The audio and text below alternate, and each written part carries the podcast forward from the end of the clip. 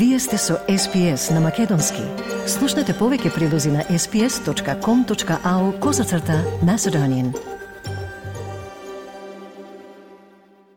Во овој билтен, жената на покоен борец на исламската држава излезе со кауција во Нофижен Велс.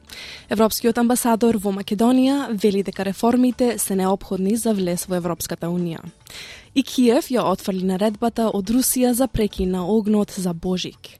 На СПС на Македонски следуваат вестите за 6 јануари 2023 година. Јас сум Ана Коталеска.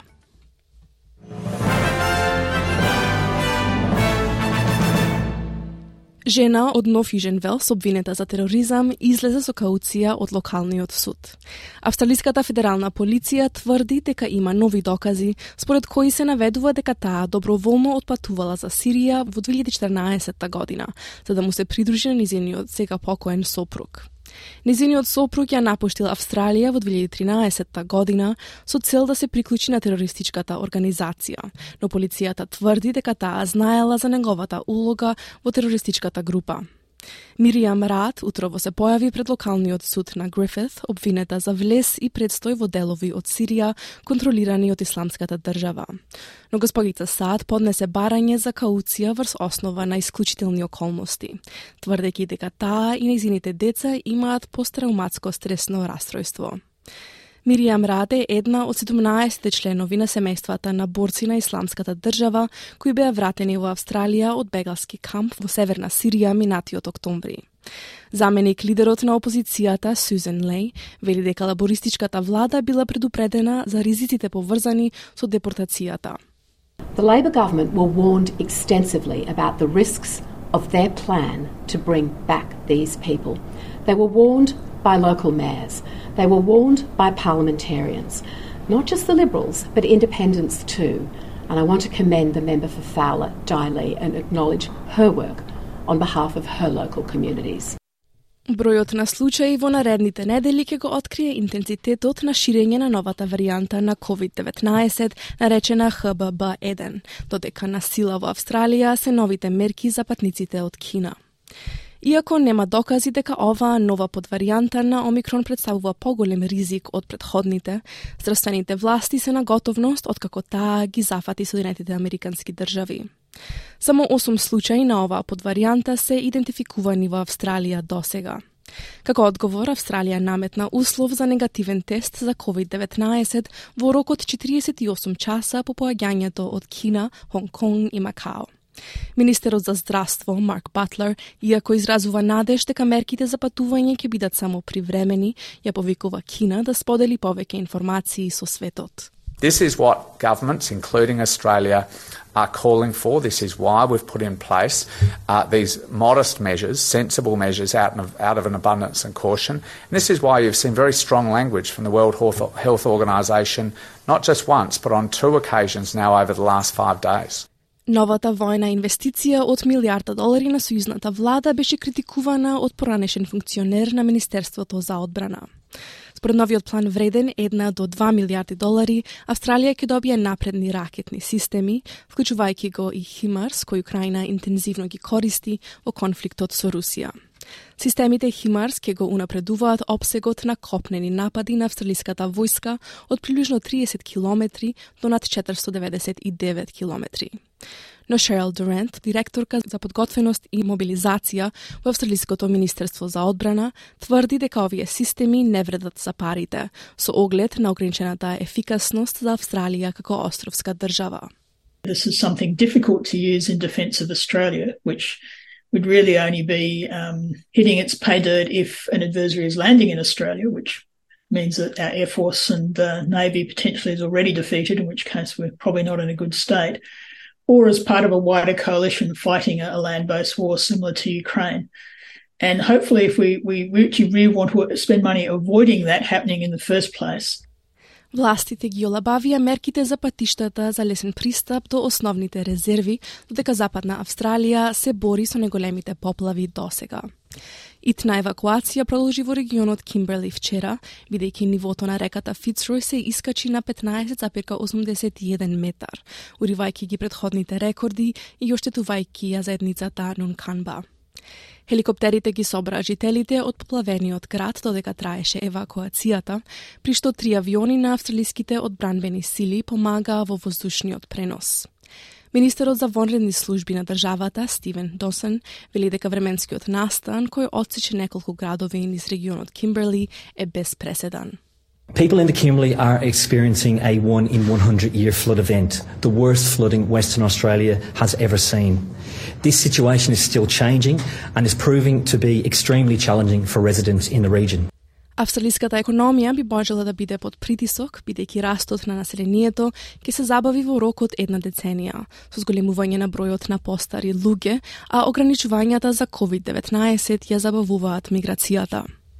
Новите владени податоци за населението покажуваат дека пандемијата значително влијаеше на населението во земјата, најмногу поради затворањето на границите, што ја ограничува миграцијата од странство и врши притисок врз опаѓањето на бројот на постари работници. Како и во другите развиени земји, бројот на родени бебиња во Австралија се намалува, а луѓето живеат подолго благодарение на модерната медицина и поздравиот начин на живот. Податоците покажуваат дека средната возраст се зголемила од 38,4 години на над 40 години за една деценија. Благајникот Джим Чалмерс за ABC News изјави дека е важно владата да изгради издржлива работна сила. One of the, the most important things that we can do and that we are doing is to build the kind of workforce that can support a population which is getting bigger but also getting a bit older uh, as well. And some of those trends have been exacerbated by COVID. So most of our efforts in this space is to make sure we get those workforce settings right. That's why childcare and early childhood education is so important. Uh, it's why skills and training is crucial, energy, technology, all of these things which will determine the workforce of the future and its capacity to support an ageing population. Вчера во работна посета на Делчево беше европскиот амбасадор во Македонија Девид Гир. Тој замолен од новинарите да одговори каде треба да биде насочено вниманието на власта во новата година во однос на незината евроинтеграција, одговори.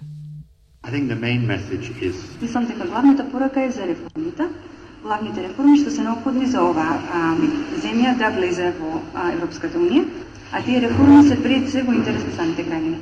Тие офаќаат широк обсег на прашања кои што а, ги засегаат граѓаните, од владењето на правото преку антикорупцијата па се до помагање на покренување на стандардот на живење и а, градење на економијата. ВМРО ДПМН инсистира дека оваа треба да биде изборна година. Секојдневно тврди дека расте расположението за предвремени избори, дури и меѓу претениците од власта. Власта уверува дека изборите ќе бидат редовни во 2024 и дека дотогаш ќе продолжи реформскиот курс на сегашната влада.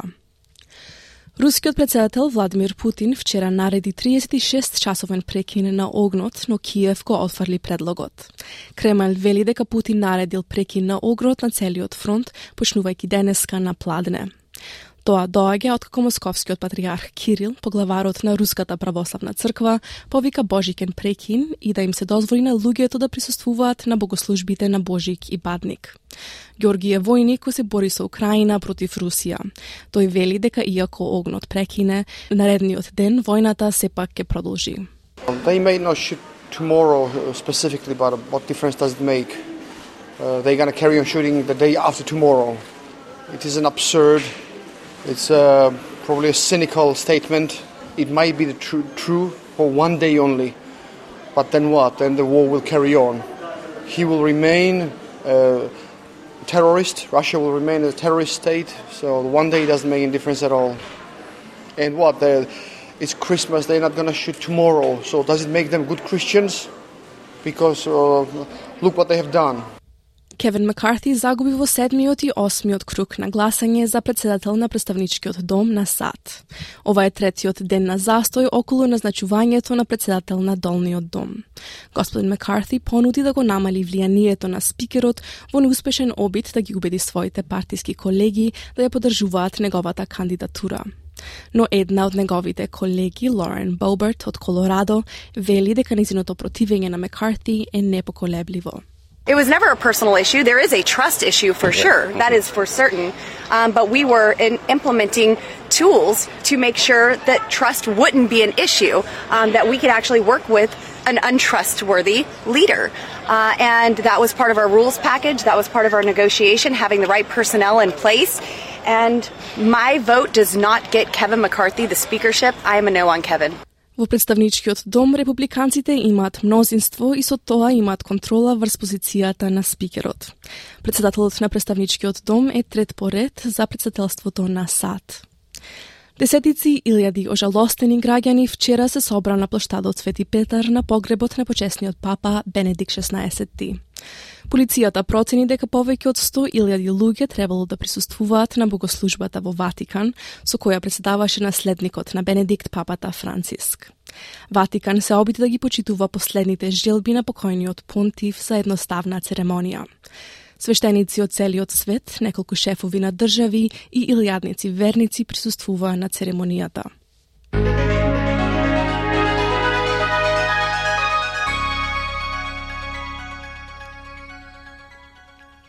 Од курсна листа денеска, еден австралиски долар се менува за 0,64 евра, 0,68 американски долари и 39,31 македонски денар. Додека еден американски долар се менува за 57,56 македонски денари, а 1 евро за 6,99 македонски денари. И на кратко временската прогноза за главните градови за утре, сабота 7 јануари. Претежно сончево во Перт 29 степени, 36 за Аделаид сончево. Сончево во Мелбурн 30 степени, 23 за Хобарт делумно облачно, делумно облачно и за Канбера 23 степени, 24 во Сиднеј со слаби повремени врнежи. Во Брисбен делумно облачно 29, слаби повремени врнежи и можна бура во Дарвин 32 степени и во Alice Спрингс можни слаби врнежи со 29 степени.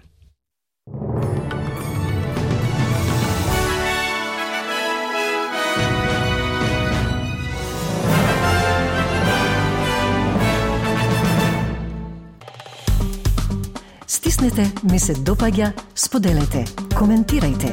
Следете ја SPS на Македонски на Facebook.